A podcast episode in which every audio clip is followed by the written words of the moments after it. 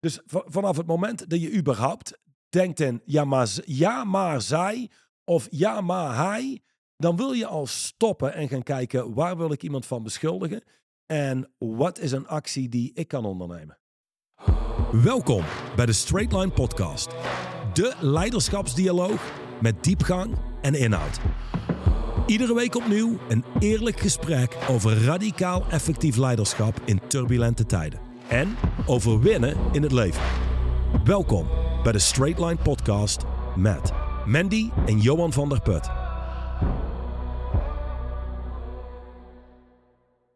There are many ways to victimize people.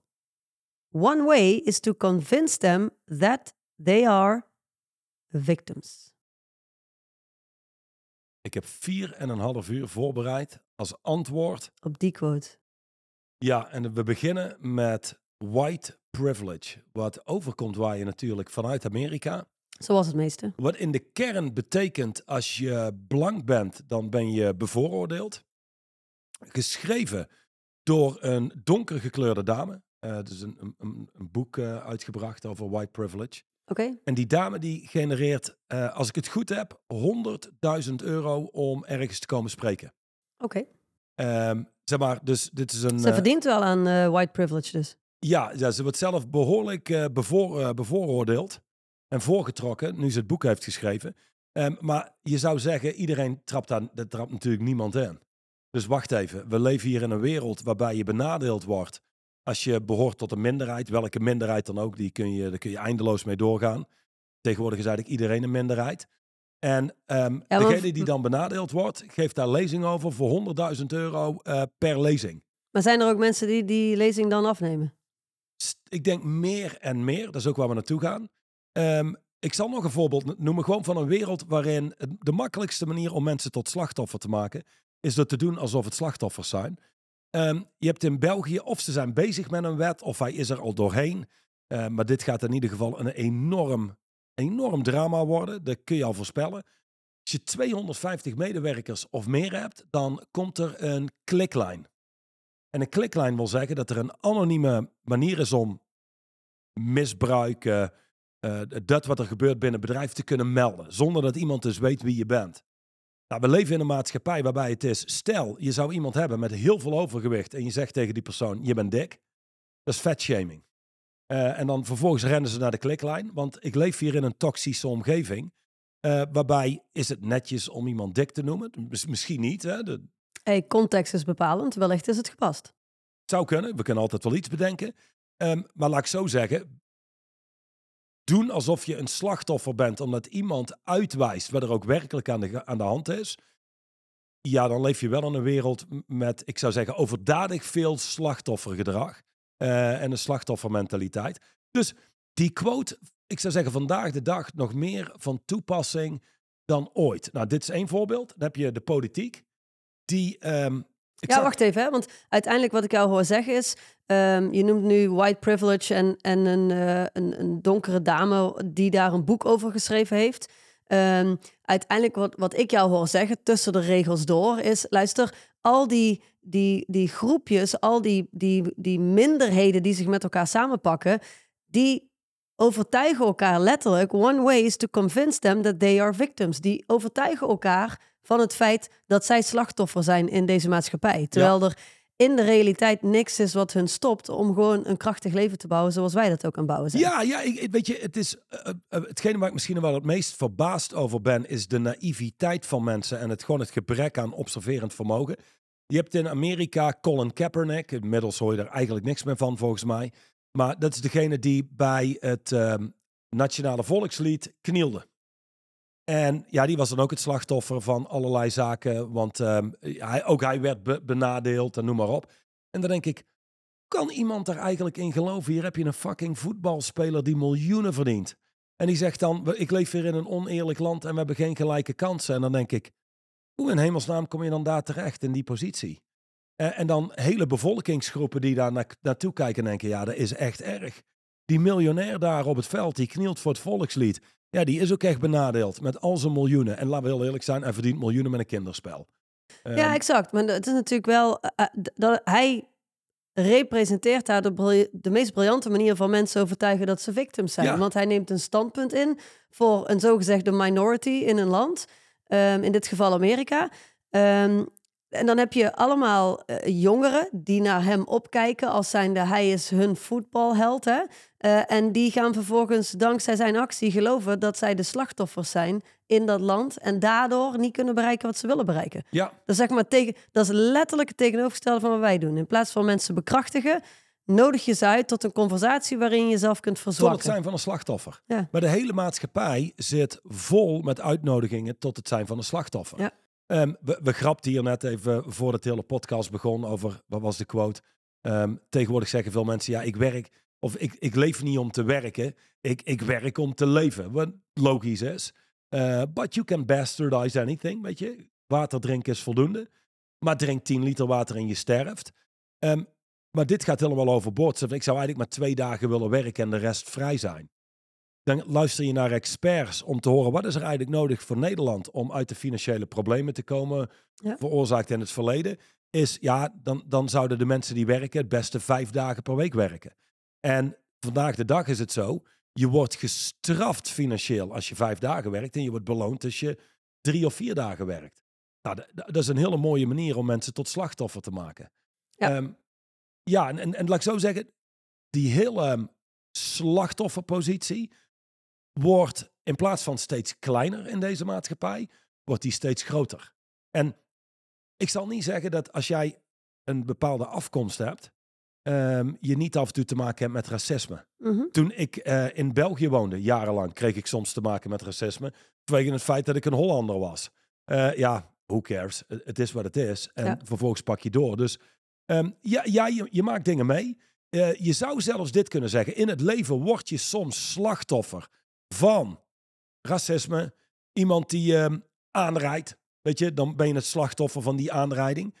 Maar dat maakt je nog geen slachtoffer. Nee, dat is de- eigenlijk de distinctie die we maken hier. Ja, in het Engels zeggen ze: You can be victimized, but you won't have to be a victim. Ja. Je, je kunt, best, kunt best slachtoffer worden van iets, maar dat maakt nog niet dat je een slachtoffer moet zijn. En dat is uiteindelijk wat deze distinctie, nou ja, wat iedere distinctie in het boek natuurlijk zegt, hè, owner-victim. Eh, maar ik ben verantwoordelijk versus zij zijn schuldig. Het maakt, niet, het maakt in de basis niet uit in het hier en nu hoe je bent opgegroeid, wat je allemaal is aangedaan in het verleden of welke challenges je momenteel hebt. Of dat je een collega hebt die, hè, zoals jij zegt, eh, racistisch is of ehm, eh, richting vrouwen iets heeft of whatever dan ook. Je, je, je hoeft daar niet van onder de invloed te zijn. Je kunt gewoon verantwoordelijkheid nemen voor je eigen leven. Dat is uiteindelijk wat deze distinctie zegt. En hoe ik deze distinctie leerde kennen, ehm, zoals Duchan hem ooit uiteenzette, dat was, dat deed hij geniaal, want het, het, het, liet mij nadenken, wat, wat bedoelt hij hier nou mee? Zei hij, oké, dus ehm, er is zoiets als, zij zijn schuldig versus ik ben verantwoordelijk. Dus hij zei, ehm, ik zat zelf jaren tachtig in een, in een seminar en vervolgens eh, ging het over responsibility. En daar zit een dame en, en die zegt, ja, maar weet je, afgelopen week is er ingebroken in mijn appartement. Hm. En ze hebben daar kleding van me meegenomen. Ze hebben mijn stereo meegenomen en nog wat zaken. Hoezo ben ik verantwoordelijk? En toen zei Duchan, dat is eigenlijk een hele rare stelling, want het echte antwoord is, dus oké, ehm, van wie was dat appartement? En van die dame. En oké, er is ingebroken hè, ehm, door een inbreker. Waar was jij? Oh, ik was aan het werk. Oké, maar hoe kom, je, hoe kom je eigenlijk aan het werk? Eh, ja, ge- gesolliciteerd natuurlijk. Eh, hoezo? Nou ja, nee, dus ik ben even aan het nagaan. Dus het appartement is van jou. Jij was er niet, want jij was aan het werk. Gecreëerd door jou. Gecreëerd door jou. Ik bedoel, je bent er niet toevallig beland. Dat heb je zelf gecreëerd. Wie heeft die stereo gekocht? En die kleding? Ja, ik. Dus als ik het goed begrijp, jij hebt een baan. Daarvan kun je een appartement kopen, stereo en kleding. Door die baan ben je weg van huis. En omdat je weg bent van huis en al die spullen hebt, wordt er ingebroken. En een inbreker neemt een heel aantal van die spullen mee. Ehm, hoezo ben jij niet verantwoordelijk? En zij zei, hoezo maar? Ja, maar de- ik, ik heb er niet zelf ingebroken. Het is toch niet zo dat ik gevraagd heb om die inbraak? Waarop Duchan zegt, nou, je hebt niet gevraagd om die inbraak. maar je bent wel verantwoordelijk. En, en je bent verantwoordelijk doordat je een appartement hebt, doordat je die spullen hebt aangeschaft, eh, doordat je bent gaan werken. En dat is allemaal heel logisch. En ik zeg ook niet dat je schuld bent. En jij bent verantwoordelijk. Ja. Want het zijn jouw spullen. Maar het, is dat wat je zegt, hè, ik hoor jou namelijk in, in, in één zin verantwoordelijk en schuld gebruiken. En dat is ook wat mensen horen. Als mensen horen, jij bent verantwoordelijk, dan horen ze, jij bent schuldig. Het is jouw schuld. Maar het is jouw schuld is iets heel anders dan jij bent verantwoordelijk. Ja. En als mensen toch eens zouden beseffen hoeveel kracht er ligt en, en wat een cadeau het eigenlijk is als iemand tegen je zegt, jij bent verantwoordelijk. Maar mij valt dat ook op in, in het werkveld. Ehm, weet je, er zijn op sollicitatie genoeg mensen die komen dan voor je neus zitten op sollicitatie. En er is één ding wat ze heel belangrijk vinden. En dat is vrijheid. Ze willen vrijheid en ze willen hè, de ruimte om hun eigen week in te delen. En ze willen ook ruimte Thuiswerken. En ze willen ook ruimte om, eh, om het op hun manier aan te pakken, zeg maar. Hè? Nou, ik ben zo'n ondernemer die, een, een, die in de eerste paar jaar de fout heeft gemaakt om mensen dat gewoon volledig te geven. Als in, ik dacht, ja, luister, ik huur haar in, eh, weet ik veel, op het gebied van marketing of gebied van sales, whatever. Ik huur iemand in. Ehm, en ik huur iemand in die er meer verstand van heeft dan ik. Dus ik ga die persoon niet zitten vertellen wat hij moet doen. Nee, ik hoor graag van haar wat haar plan is, hoe zij dit aan wil pakken, wat ze nodig heeft, et cetera, et cetera. In eerste instantie vinden mensen dat heel leuk in het begin. Dan denken ze, oh wat fijn zeg, en ik word gehoord en hè, ik word hier echt gezien en ik mag echt mijn plek pakken. Totdat het aankomt op de plek ook daadwerkelijk pakken. En then they back down. Weet je, ehm, met, met vrijheid komt minimaal even grote verantwoordelijkheid. En wat mij opvalt is dat mensen wel heel graag al de goodies willen, maar de verantwoordelijkheid daadwerkelijk pakken, vinden mensen gewoon heel eng. Onderaan de streep. Ze zijn daar toch bang voor. Ja, Zelf beslissingen maken vinden ze heel eng. nou ja, nu je dit zegt, eh, wat is het grote voordeel van als slachtoffer door het leven gaan? En dan hoor ik sommige mensen al denken, ja, daar zit helemaal geen voordeel aan als slachtoffer door het leven. Wie wil dat nou? Ehm, maar het voordeel van het zijn van een slachtoffer, een slachtoffer is disempowered. Eh, Die heeft geen kracht. Ja. Als je geen kracht hebt, dan word je ook nooit verantwoordelijk gehouden voor acties. Nou, ehm, als je leeft in een wereld van zij zijn schuldig, dat betekent zodra ik jou de schuld geef van iets, ik heb geen controle of zo over jou. Mhm. Dus dat maakt meteen dat ik geen macht heb, geen kracht meer heb tot mijn beschikking op dat moment.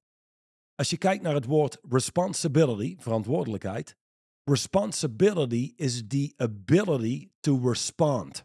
Mhm. Een slachtoffer, eh, ik zit hier en jij bent schuldig en ik heb geen controle over jou, dus ik kan niks doen, maakt dat ik ook geen actie onderneem. Ja. Maar als ik hier zit en ik maak mezelf verantwoordelijk, dat betekent niet ik ben schuldig, maar ja, het is waar. Ik ben degene die het appartement kocht. Ik ben degene die eh, gaan werken is. Ik ben degene die die spullen kocht. Dus er is een mogelijkheid dat er iemand binnenkomt, de deur openbreekt en die spullen meeneemt. Ja. De deur openbreken komt eerst en dan komen ze binnen. Ehm, en dat betekent, ja, je zou kunnen zeggen, je bent het slachtoffer geworden van een inbraak. Ja. Maar dan maak je nog geen slachtoffer. Je bent gewoon verantwoordelijk. En als je zegt, hey, ik wil niet dat er nog spullen worden gestolen, dan verhoog je je inbraakbeveiliging of je stopt met spullen te kopen. Ja. Maar er is een actie die jij vanuit jouw kant ten alle tijde kan doen. En zeker in het kader leiderschap.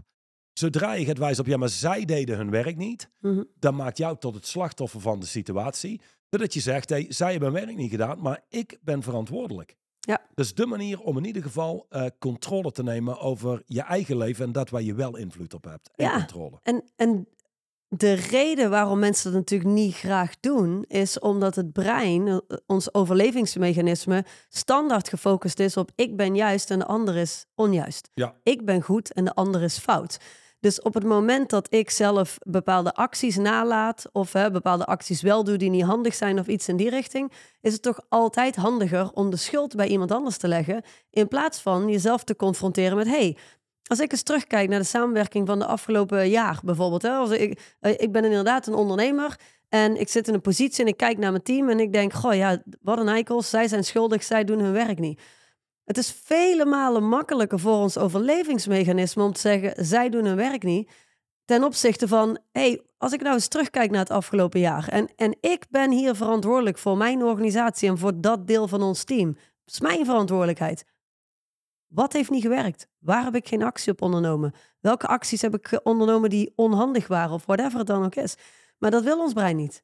En mensen zullen zichzelf moeten trainen, want als je jezelf niet bewust traint in verantwoordelijkheid nemen, dan gaat je brein het liefste naar zij zijn schuldig. Dat is wat die automatisch doet. Ja, want het voordeel daarbij is dus altijd dat je verantwoordelijkheid kunt ontlopen. Je hoeft niet te kijken naar, hey, wat zou ik hier kunnen doen of wat is mijn aandeel? Naar jezelf überhaupt. Ja, Ja. ehm, en daar zit dus de kern. Ja. Dus als je verantwoordelijkheid kunt nemen, dat leeft, dat leeft in de vorm van actie. Een actie die vanuit jou ondernomen wordt. En dus als mensen zichzelf bekrachtigen, dan heb je in één keer de kracht om die verantwoordelijkheid te nemen. Nu je die kracht hebt, moet je er ook iets mee doen. Dat is de reden waarom mensen ook graag als slachtoffer door het leven gaan. Want je kunt overal langs affietsen. Dat is geen krachtig leven, maar het is nu op dit moment vaak een stuk comfortabeler dan focus op je eigen aandeel. Dat wordt wel ondersteund door het volgende. Jij zei het net, weet je, ik ben juist, zij zijn fout. Mhm. Weet je, zij hadden hun werk moeten doen, ik heb het hun gevraagd, whatever. Ja. Ehm, dat is het mechanisme wat alles in stand houdt. Maar denk ook aan dit. Het is niet eerlijk. Dus er wordt ingebroken. Ja maar, ja, maar het is niet eerlijk en hij is schuldig. Ik vraag wel eens aan mensen, oké, ehm, jij kunt mij hier een kop thee laten zien.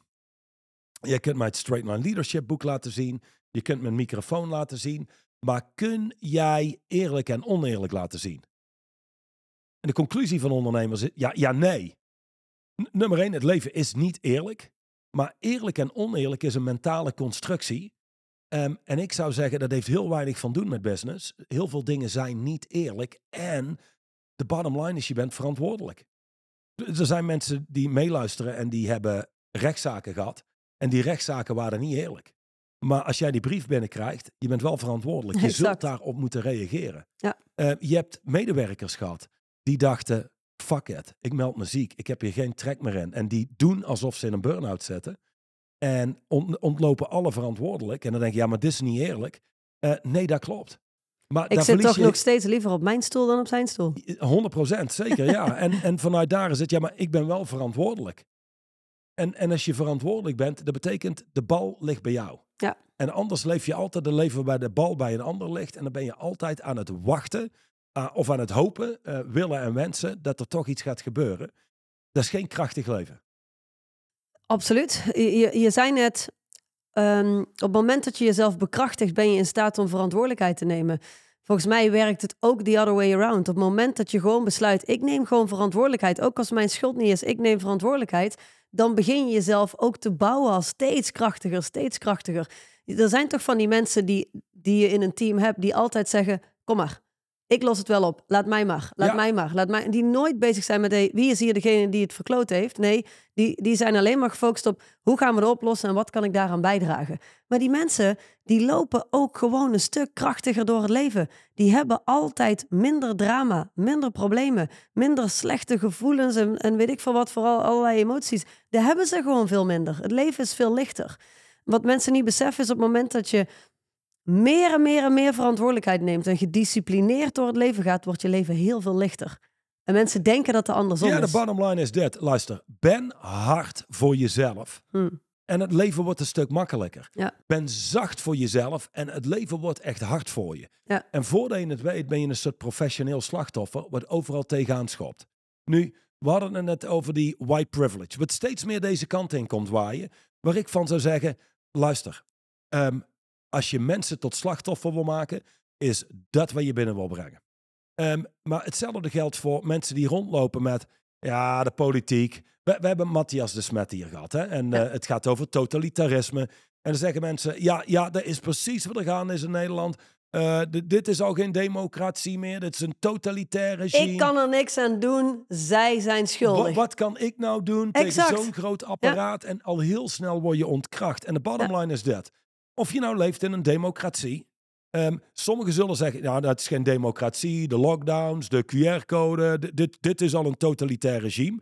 Oké, luister. De bottom line is dat. Jij woont hier. Jij bent verantwoordelijk voor je leven. En dat betekent, wat de context ook is. Deal met de hoe condition of the oneerlijk game. het ook is. Kick ass anyway. Ja. Dat is het enige, enige logische. En dat is ook zo'n ding, wat, wat jij net zegt. Weet je, dit is een distinctie die we hier nooit door gaan nemen. Maar het ligt wel een beetje in, in, in deze lijn. Ehm, je hebt zoiets als problemen en je hebt een conditie van het spel. Nou, als jij gaat voetballen en jij schiet op goal en er komt een speler tussen en ja, hé, hey, hallo, ik schoot op goal en nu kom jij ertussen. En Het is de zijn schuld dat ik geen doelpunt heb. Dat? Nou ja, dan zou iedereen je aankij- aankijken en denken, Jesus Mandy, Ja. dit is het spel. En voor alle leiders die luisteren en met medewerkers die niet doen wat ze moeten doen en die heeft me genaaid en daar kan ik niet op bouwen en dat is niks anders dan een conditie van het spel. Ja. Dat is een conditie van het spel. Ja, maar tegenwoordig is het niet makkelijk om mensen aan te nemen. De markt is er niet naast. Allemaal manieren om verantwoordelijkheid te ontlopen. En de bottom line is, you are responsible. Dus het is toch aan jou wat je er vanuit daar mee doet. Hoe je daarop reageert. Nou, en tegenwoordig in, in de huidige maatschappij neemt dat ownership af. Mhm. Wat goed nieuws is voor de, voor de leiders die luisteren. Dat betekent, het wordt steeds makkelijker om resultaat te creëren. Omdat mensen steeds meer komen vanuit een victimpositie. Dus degene die besluiten, luister, ondanks dat het allemaal niet terecht is, ondanks dat het allemaal niet juist is of oneerlijk, ik ben verantwoordelijk en ik doe het toch gewoon. Ja, precies. Dat zijn wel degenen die in staat zijn om een krachtig leven te leiden. Maar dat zijn ook degenen die de afgelopen jaren heel hard aan het winnen zijn. Want hoe kan het zijn dat er mensen zijn die heel hard winnen in de afgelopen jaren, terwijl er zoveel zijn die maar blijven verliezen? Ja, eh, dat, dat, dat, zit, dat zit toch in die mensen zelf. Het zit in hoe zij zichzelf gebouwd hebben. Wat jij net zegt, vind ik wel nog interessant om enigszins uit te diepen, zodat mensen gaan zien hoe dit mechanisme werkt. Want jij zegt, oké, er is zoiets als een boek, White Privilege. Het gaat helemaal niet om, om welke minority, maar jij pakt toevallig die. Nou, dat boek wordt gecreëerd en dat wordt vervolgens de wereld ingegooid. Hè? Dus eh, nu is er zoiets als white privilege. Ik heb afgelopen week, volgens mij heb ik het zelfs naar jou doorgestuurd, ik heb me kapot gelachen. Op een, eh, in een korte eh, videofragment in een Nederlands praatprogramma. Ik weet even niet welke, want eerlijk gezegd volg ik dat allemaal niet. Ehm, maar daar zat dus een, een, een blanke jongeman, ik denk, eh, weet ik veel, eind 20, begin 30. En die was een relaas aan het afsteken hoe de blanke man op dit moment ehm, de meest, eh, hoe zeg je dat, Eh, Gediscrimineerde- gediscrimineerde eh, persoon op aarde is en hoe we daarvoor moeten vechten. Maar, maar die deed dat ook op een, die maakte niet een statement, maar die deed dat op zo'n manier dat hij eigenlijk alle blanke mannen nu uitnodigt om slachtoffer te Ja. worden van de conversaties die gaande zijn. En zo gaan we van de, van de ene groep die slachtoffer is van iets naar de volgende groep die slachtoffer is. Naar de vo- en dat vind ik ook als je kijkt naar die hele COVID-madness. Hey, heel eerlijk, ik, ik, ik, ik- vind het absoluut bullshit wat er ze allemaal heeft afgespeeld. Daar ben ik heel eerlijk in. Ik sta absoluut niet achter de beslissingen die de overheid heeft gemaakt. Eh, maar ik ben ook niet een of andere complotdenker die helemaal aan de andere kant gaat staan. Omdat naar mijn mening ehm, doe je daarmee ook weer hetzelfde. Inderdaad, die, die zijn allemaal met elkaar groepjes aan het vormen. Ehm, en die zijn allemaal, ja, maar de overheid is schuldig en zij dit en zij dat. En ondertussen zijn ze hun leven niet aan het aanpakken. Ik ken iemand die niet zo ver bij ons vandaan woont. Die, weet ik veel, al vier maanden lang of zo ziek, ziek thuis zit. Maar die gaat wel naar alle demonstraties op het Malieveld. En die leest alle kranten die maar de andere krant zijn dan zeg maar de standaardkrant. Die kijkt ik weet niet hoeveel YouTube. Die is alleen maar bezig met hoe de overheid ons leven aan het verzieken is. En ondertussen is die, is die vergeten dat hij zelf ook nog een leven heeft. Wat hij gewoon op zou kunnen pakken. Waar hij gewoon iets van zou kunnen maken binnen de condities die er momenteel allemaal gaande zijn. En, en ik denk dat dat belangrijk is om te gaan zien. De, van, van het ene gesprek naar het volgende gesprek, naar de volgende conversatie, naar de volgende conversaties, zijn de ene groep en de volgende groep en de volgende groep iedere keer zichzelf en anderen aan het uitnodigen. Ik Tot ben zijn- slachtoffer. Van een slachtoffer. Ja, Ja, en weet je, ehm, ehm, ik, ik, ik hoor wat je zegt als het gaat over die maatregelen de, eh, die, die er toen waren. Ik denk een, een, een grote overreactie uiteindelijk. absoluut. Ehm, maar dan heb je dus mensen, en er- komt meteen iemand bij me binnen. Ehm dus iemand waar ik opgegroeid ben in Reuzel. Ehm, is echt een kunst, zeg maar, denkt in complottheorieën. Ehm, waarschijnlijk als je nu kijkt naar de afgelopen twintig jaar. Van de honderden complottheorieën zullen er ongetwijfeld tientallen waar zijn en uit zijn gekomen. Ja. En, ik, ik weet nog dat eh, op een gegeven moment, hij, hij staat op het, eh, het marktplein. Ik kom daar langslopen. En dan is die mensen aan het wijzen op al die strepen in de lucht. Dit zijn chemtrails. En we worden hier vergiftigd. En, en je ziet mensen echt kijken, die man is helemaal gestoord. Die heeft het verloren. Voor degenen die nu luisteren en denken, hé, hey, daar herken ik chemtrails en, eh, en heel de conspiracy theories. Ehm, een heel deel blijkt te kloppen. Weet je, 1980 hebben ze er allerlei experimenten mee gedaan in Engeland en noem maar op. En de bottom line blijft nog steeds, so fucking what? Exact. Je kunt het nooit alleen stoppen. Wil je het stoppen en is het je doel uh, bepaalde zaken aan te pakken, dan zou ik zeggen: start een politieke carrière of wat dan ook. Uh, voor de bottom, voor, voor, voor, eigenlijk de meeste mensen geldt de volgende bottom line. Je leeft hier in deze wereld, of het nou België is, in Nederland, uh, waar dan ook. Dat is de context waar je in leeft. Ja. Je bent niet schuldig dat je daar woont. Je bent wel verantwoordelijk voor het feit dat je daar woont. Het zijn condities van het spel die er gaande zijn. Horen erbij. Ja, en dan neem je verantwoordelijkheid voor. In andere woorden, dat gebeurt. En je kijkt naar waar heb ik invloed op? Waar Precies. heb ik controle over? En dan blijkt het dat er twee dingen zijn waar je absoluut controle hebt, over hebt in de wereld. En over niks anders. Vertel. En dus nummer één, wie je bent. Dus wie je bent als je hier door de wereld heen beweegt. En het tweede is wat er uit je mond komt. Dan gaan we al kijken. Nummer één, de meeste mensen hebben geen flauw idee wie ze zijn. Uh, en hoe ze door de wereld lopen. Dus onbewust zijn vaak slachtoffers. Dus dat is alleen. Twee, er komt van alles uit onze mond. Wat ons zwakker maakt. Wat ons kleiner maakt. Waarmee we onszelf echt in de vingers snijden. Nou, dat zijn de twee dingen waar je op wil focussen. En dan heb je allerlei condities van het spel. Mensen die je uitnodigen tot het zijn van een slachtoffer. Ja. Je wordt genaaid in business. Als jij relaties hebt. A, a relationship means you have something at stake. Dus het zou kunnen zijn dat jij mijn hart nog een keer breekt. Alhoewel, voor de echte scherpe luisteraars die zouden denken... Hoe is dat mogelijk? Dat kan alleen in taal je hart breken. Maar, oh, ik, dacht, ik dacht, hoe is dat mogelijk? Johan heeft toch geen hart? Maar dat... Ijskoud, hè, die man. ik dacht ja. dat je dat grapje ging maken. Ja. Anyway, ja, vertel verder. Nou, ja, en, en dat kan allemaal gebeuren. En de bottom line is, ik ben nog steeds verantwoordelijk. Ja. En hetzelfde als met, met leiders, met ondernemers, die zeggen dan... Nou, uh, ik wens jou een hoop personeel. Dat is ook zo'n victimpositie. Leer toch te werken met mensen. Ja. Je hele leven is opgebouwd uit mensen. Dus als je daar niet effectief mee om kunt gaan, heb je een probleem. Train jezelf erin. Zorg dat je er goed in wordt. Zorg dat je mensen, jezelf en je eigen taal voor je laat werken. In plaats van dat je zelf en je taal en anderen tegen je werken. Um, en dat vind ik een, de, de ultieme owner-positie Mhm. is, ik ben verantwoordelijk. Het maakt me niet uit. Um, uh, je kunt onterecht gevangen gezet worden. Zo hebben we ook ooit een spreker gehad. 4,5 jaar onterecht in Marokko in een, in een gevangenis. Als jij daar zit en ze dit is oneerlijk. Ik zit hier onterecht vast. En je zit daar als slachtoffer, dan heb je echt een probleem. Ik Ja, denk dan niet overleef dat je je het, die 4,5 denk ik jaar niet. niet Nee. overleeft. Denk het ook niet. Um, en in dit geval, hij zat daar. En dit is, hey, het is oneerlijk. Het klopt niet. Ik, ik zit hier onterecht vast. En ik ben wel verantwoordelijk, want ik zit hier. En dit is in het huidige moment misschien nooit de meest makkelijke beslissing om te nemen. Absoluut. Uiteindelijk, als je kijkt, big picture widescreen, de enige logische positie om te, in te nemen. Tussen alles wat jij nou net gezegd hebt, hoor ik in ieder geval. Wat je heel even hebt aangestipt en wat denk ik heel belangrijk is. Ik ben verantwoordelijk versus zij zijn schuldig. Wat als je in je leven nou eens start met te focussen op de dingen waar jij controle over hebt. Want zij zijn schuldig. Hè? Wat we net zeiden, die mensen die naar de overheid uh, wijzen en die naar andere groeperingen wijzen en er allemaal hun schuld dat, dat, dat zij hun leven niet op orde hebben, die zijn ook gefocust op heel veel zaken waar ze helemaal geen controle over uit kunnen oefenen. Gewoon Mhm. nee, wat je net zegt, als je daar echt iets van wil, mee wil doen, dan start een politieke carrière, ga naar Den Haag en zorg dat je verandering bewerkstelligt. En doe je dat niet, dan zorg in ieder geval dat je blijft focussen op de dingen in jouw leven waar jij controle over hebt. En dat is enerzijds wie je bent, hoe je jezelf op het speelveld plaatst en de taal die je gebruikt. De laatste, En, en ook denk één, ik. één ding nog als het hier om gaat. Ehm, de, de uitspraken als, eh, die, die heb ik al een tijd niet meer gehoord, maar heeft jarenlang gecirculeerd op internet. Ehm, als je zelf goed te eten hebt, eh, of als je het zelf goed hebt, bouw een langere tafel en geen muur. Die hebben we heel veel gehoord.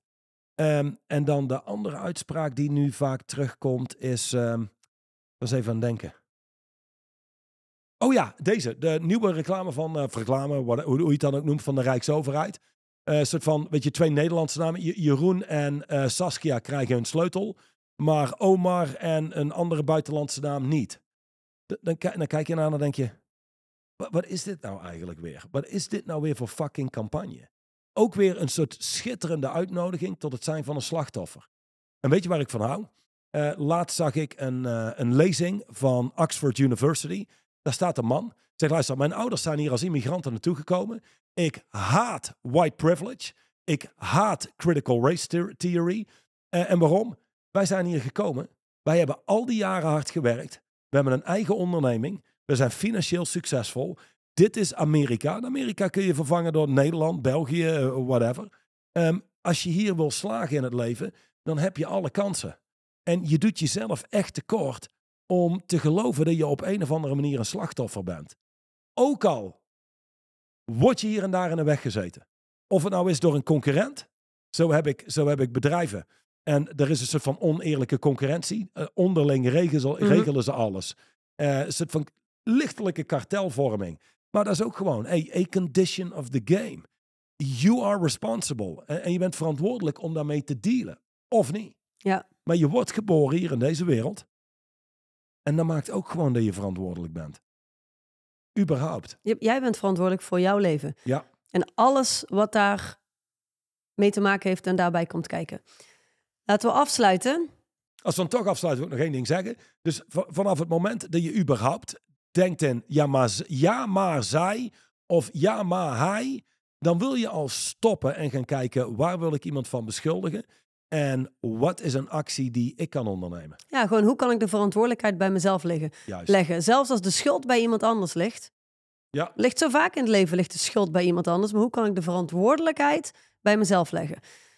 Laten we afsluiten met deze zin van eh Duchan himself. Ehm, die schrijft hier: We hebben een heftige, politiek incorrecte tip voor je als je het aan kan. Dus ehm, luisteraars en kijkers, hou je vast. Dit is niet eerlijk. Die uitspraak, dit is niet eerlijk, klinkt dom en naïef. Je klinkt als een klein kind. Hiermee krijg je geen respect. Misschien niet de meest vriendelijke afsluiting van deze podcast, maar Dit wel de, de meest me- directe, straight line. Ehm, nee, niet, niet weer gaan praten, want dan is het geen ja, afsluiting. Zeker, jawel, jawel, jawel, zeker, absoluut. We, we, we trekken dit nog twee uur door. Eh, maar dit is niet eerlijk, is inderdaad voor kinderen. ja, Dat, dat precies. is de hele bottom line. Ehm, en het klinkt inderdaad dom en, En naïef. Ja, kinderen kunnen zich daar nog achter verschuilen. Precies. Zodra je volwassen bent, weet je, de wereld is niet eerlijk. Volwassenen kunnen zich daar niet achter verschuilen. En voor leiders is het überhaupt geen optie om zoiets uit te spreken. Eh, Eerlijk gezegd moet je het eigenlijk niet eens denken. Maar als je het denkt, moet je het in ieder geval never nooit niet uitspreken. Dit was de afsluiter. Volgende week. Oeh, volgende week is een goeie. Dat is namelijk zo'n praktische waar mensen vaak eh, veel mee kunnen. Hoofdstuk 19, groeikeuzes versus comfortkeuzes. Schitterend. Nou, ik, eh, waarschijnlijk ben ik er weer. In ieder geval, als het allemaal een beetje meezet en, eh, en er niks raars gebeurt. Als jij zin hebt om verantwoordelijkheid te nemen. En anders, anders dan, ja goed, doe je het zelf. Oké, dus Misschien tot volgende week.